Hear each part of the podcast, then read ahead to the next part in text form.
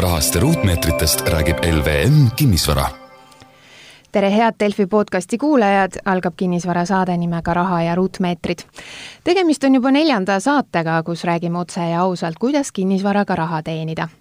mina olen saatejuht Jaana Vainola ja koos minuga on täna stuudios LVM kinnisvara juhatuse liige ja kutseline hindaja, varahindaja Andres Sutt. tere, Andres! tere!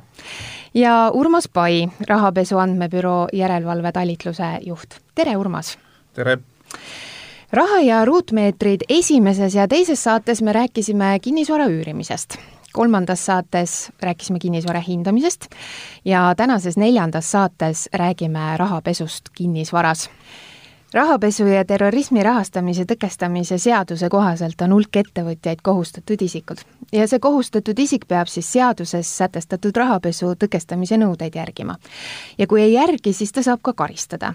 räägime nüüd lihtsalt lahti, mida see kõik tähendab Äh, jaa, et alustada siis äh, algusest, peame me selgitama seda, et äh, seaduse järgi on siis kohustatud isikuteks erinevad isikud, kes siis tegelevad võimalike vahendustegevustega või siis tegutsevad finantssektoris.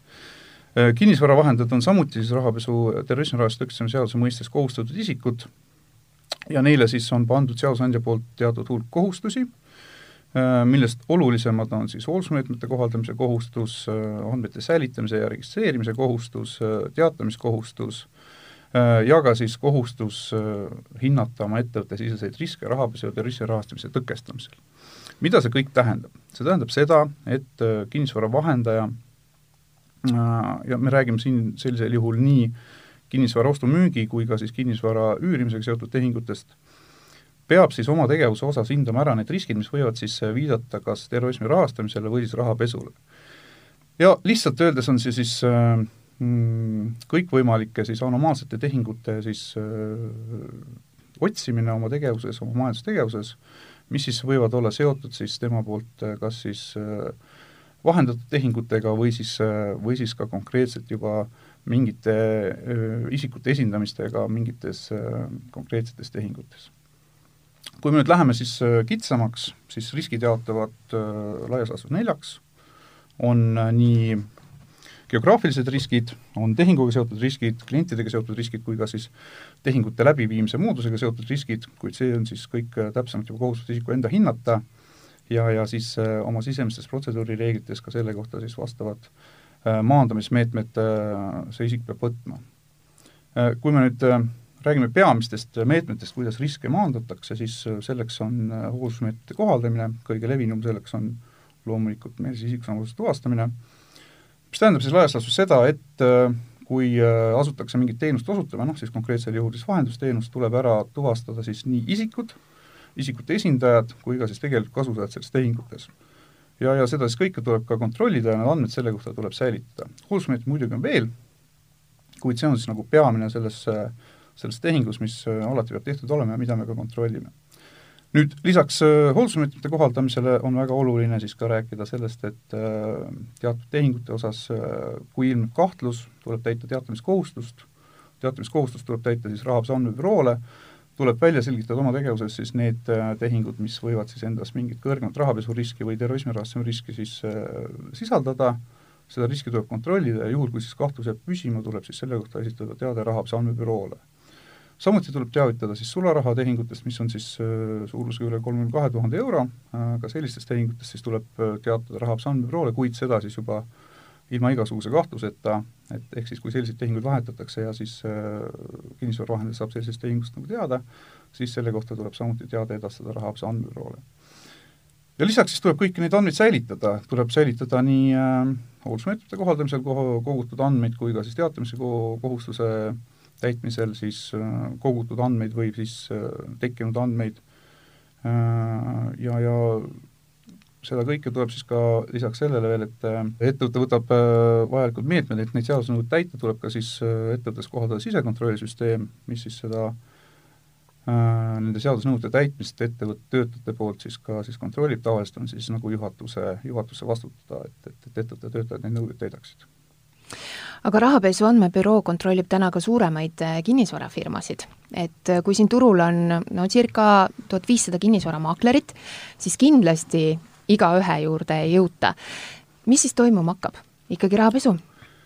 no ei saa päris nii öelda, et, et siis kohe automaatselt rahapesu hakkab toimima, et need äh, seaduses sätestatud meetmed on eelkõige ikkagi preventiivse loomuga, selleks et siis rahapesust huvitatud isikutel oleks võimalikult raske seda siis ellu viia, ja juhul, kui see on ikkagi ellu viidud, siis hiljem oleks võimalik siis tagantjärgi kõike tuvastada, et kes mida tegi, kes sellest tehingust äh, kasu said ja, ja mil moel, mil moel siis äh, konkreetselt neid tehinguid ellu, ellu viidi, et selle vara päritolu siis äh,, siis legaalsena näidata.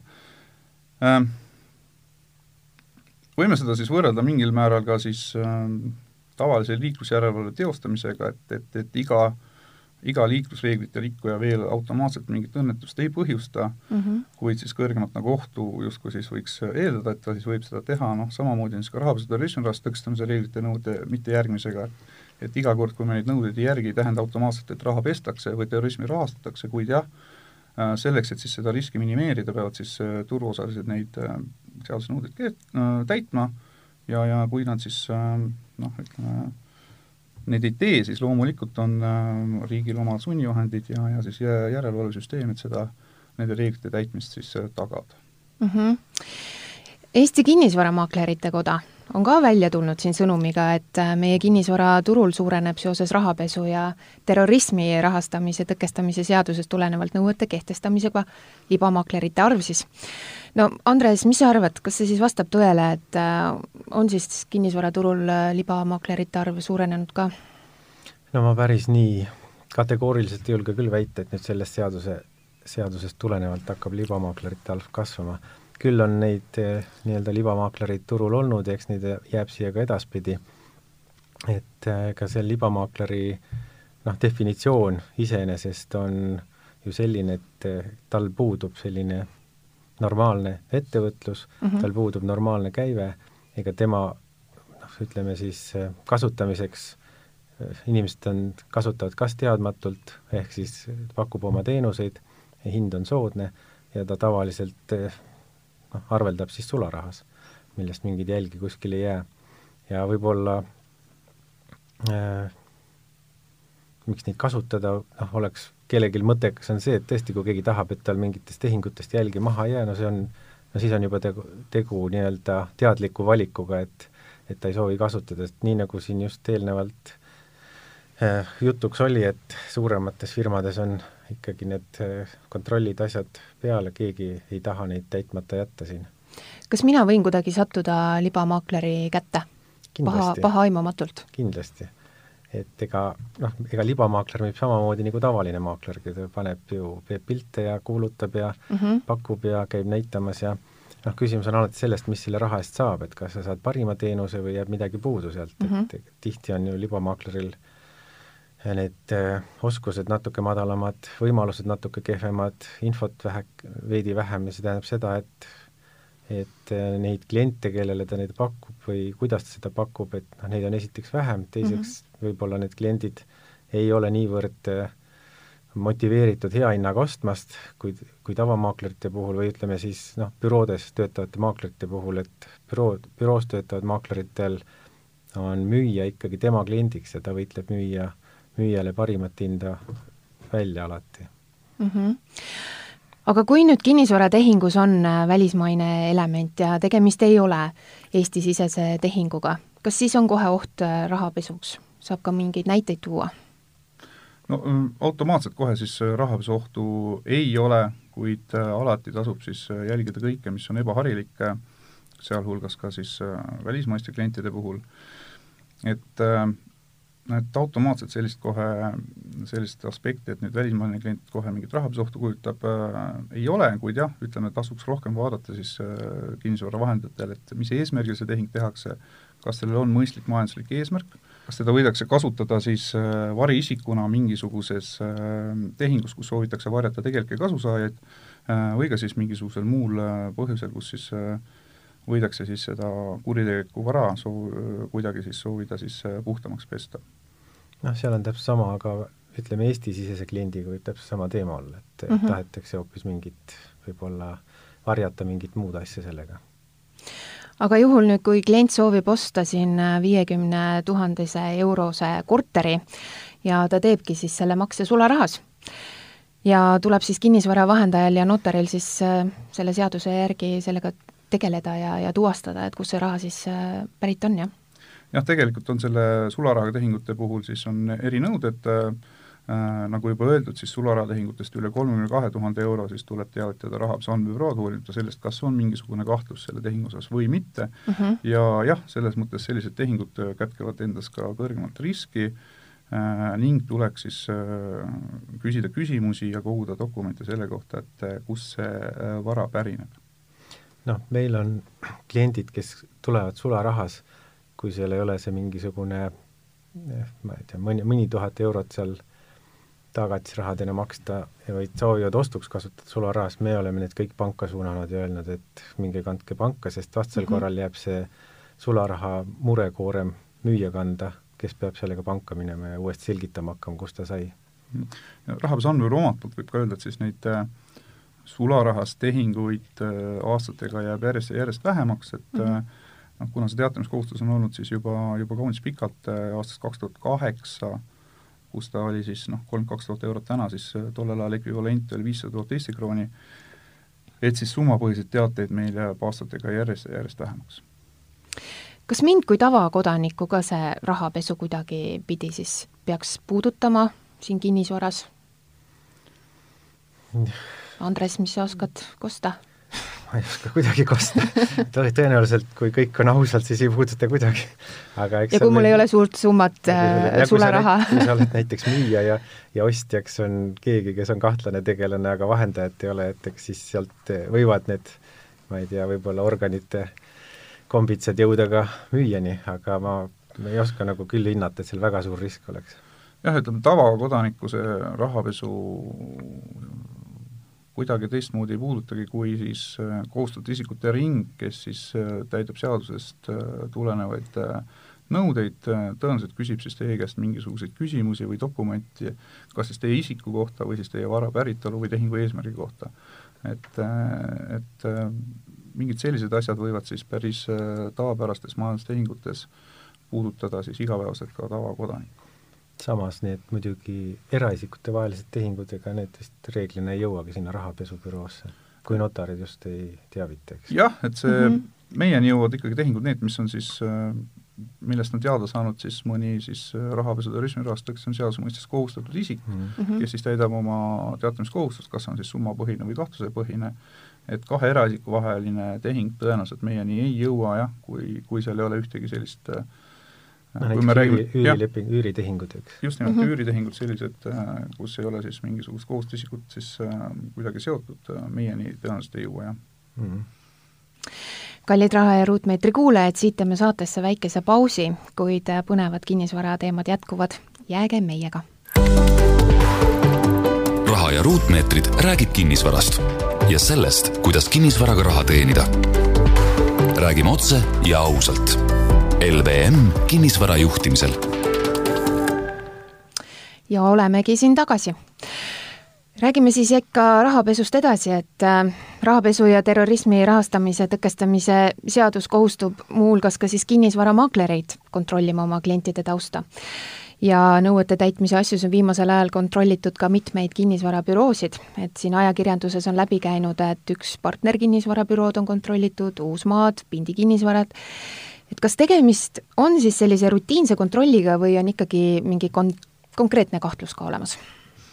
jah, et siin Rahapesu Andmebüroo äh,, tuleb selgitada, kuidas Rahapesu Andmebüroo oma siis kontrollisubjekte valib äh,. kontrollisubjektideks äh, langevad siis tõenäoliselt tõenäolisemalt siis need ettevõtted, kellel on pigem siis rohkem kliente võrrelduna nende ettevõtete, kellel on vähem kliente ja kellel on suurem käive võrrelduna siis äh, nende ettevõtete, kellel on siis väiksem käive. kõik see on siis, ka meie puhul, meie valime oma subjekte välja riskipõhiselt, mis ei tähenda seda, et me ainult peame siis jälgima seda, kui palju tal on, kui palju ettevõttel on kliente või, või kui suur on käive, kuid me võime siis ka oma järelevalve kontrolli alustamise otsuse langetada mingite muude riskikriteeriumite alusel. Näiteks selleks on siis ka konkreetselt võib-olla mingisugune indikatsioon siis sellest, et seal siis ka teatud reegleid rikutakse, küll ütlen kohe, et kinnisvaraettevõtete puhul on tegemist rutiinse kontrolliga ning sellist indikatiivset äh, informatsiooni veel selle kohta, et keegi nüüd äh, konkreetselt oleks mingeid seadusnõudeid rikkunud, ei ole. lisaks sellele, et, et, et me siis äh, nii-öelda riskipõhiselt neid subjekte välja valime mm,, on äh, riikide osas on ka siis äh,, toimub regulaarne äh, järelevalve selles osas, kuidas nemad oma riigisiseseid rahapesu ja terrorismi rahastamise tõkestamise süsteemi äh, üles ehitavad ja, ja millised on siis nende poolt võetud meetmed, et siis oleks tagatud siis rahvusvahelisel tasandil erinevate siis rahapesu ja terrorismi rahastamise tõkestamise nõuete täitmine. Selleks siis viiakse läbi riikide üle hindamiskontrollid. Äh,, seda teeb siis äh, Eesti puhul teeb selline organisatsioon, aga seda on Manival. Äh,, nimetatakse seda Manivali hindamisvisiidiks, kus siis tuleb delegatsioon koha peale ja, ja, ja hindab siis seda, kuidas Eesti riik on hakkama saanud erinevate erinevate siis rahapesu ja terrorismi rahastamise tõkestamise valdkonna äh, siis ülesannetega, sealhulgas üheks selliseks on ülesandeks, mida riik peab täitma, on ka siis järelevalvetegevus.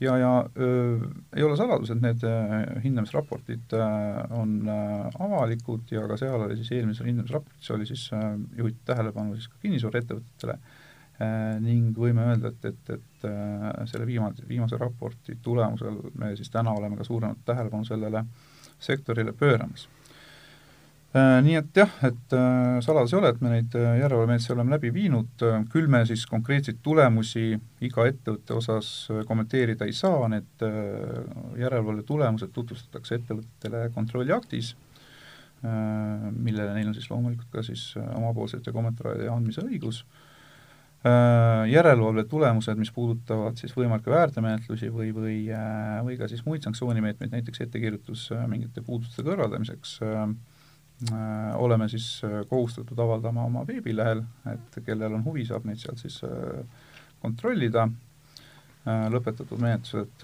kus siis mingi sanktsioon on võetud, on seal ilusti välja toodud ja, ja, ja ja laias laastus nii palju siis me siis avalikkusele neid kontrolli tulemusi ka jagame. korra aastas Rahapesu Andmebüroo aastaraamatus annab veel ülevaate siis äh, laiemalt äh, aasta jooksul tehtud tööst, et, et äh, järgmise aasta, aastaraamat siis on plaanis ka pikemalt kirjutada sellest, mis siis me kinnisvarasektoris tuvastasime, mida me nägime.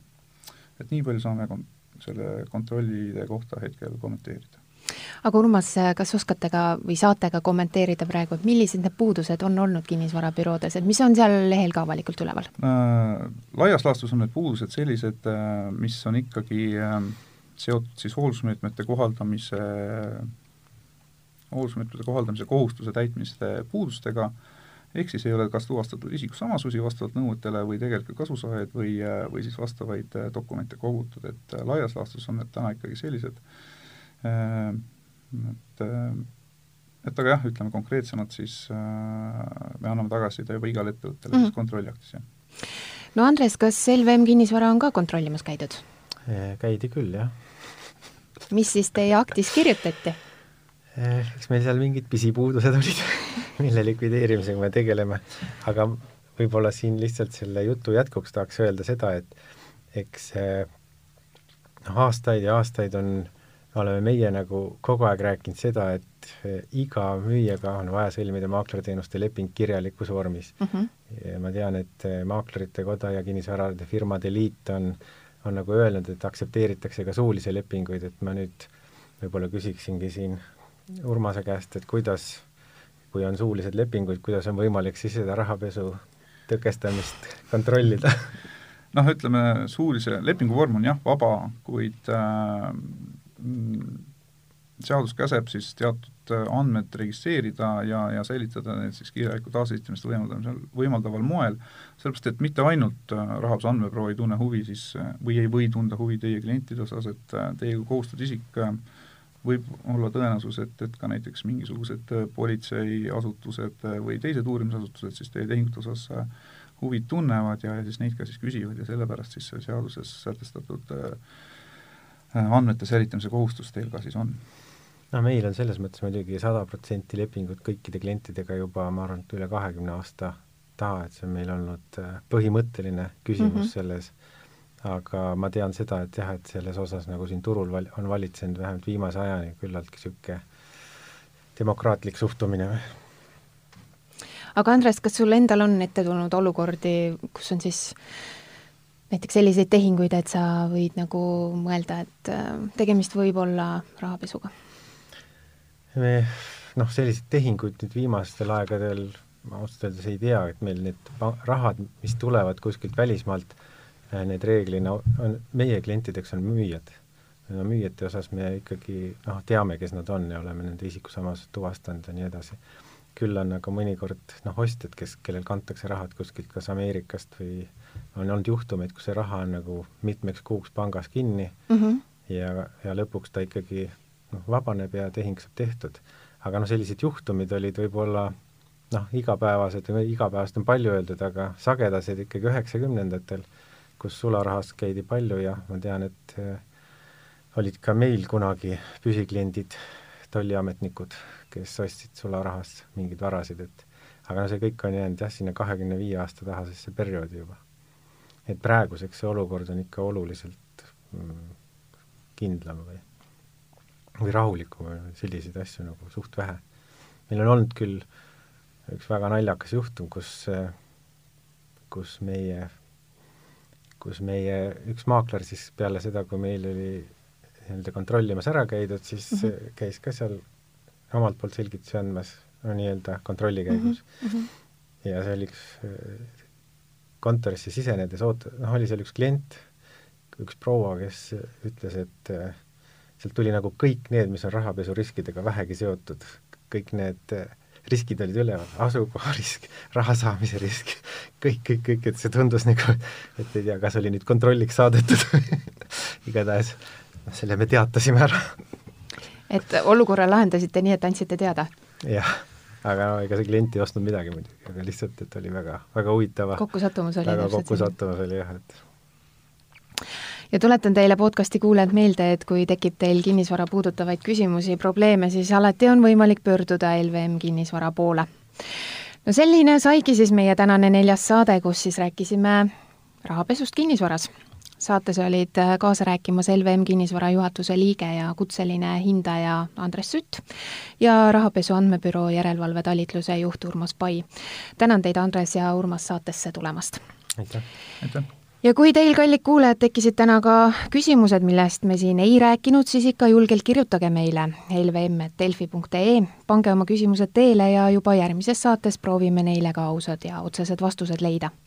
mina olen saatejuht Jaana Vainola, aitäh, et kuulasite ja uute kohtumisteni! rahast ja ruutmeetritest räägib LVM Kinnisvara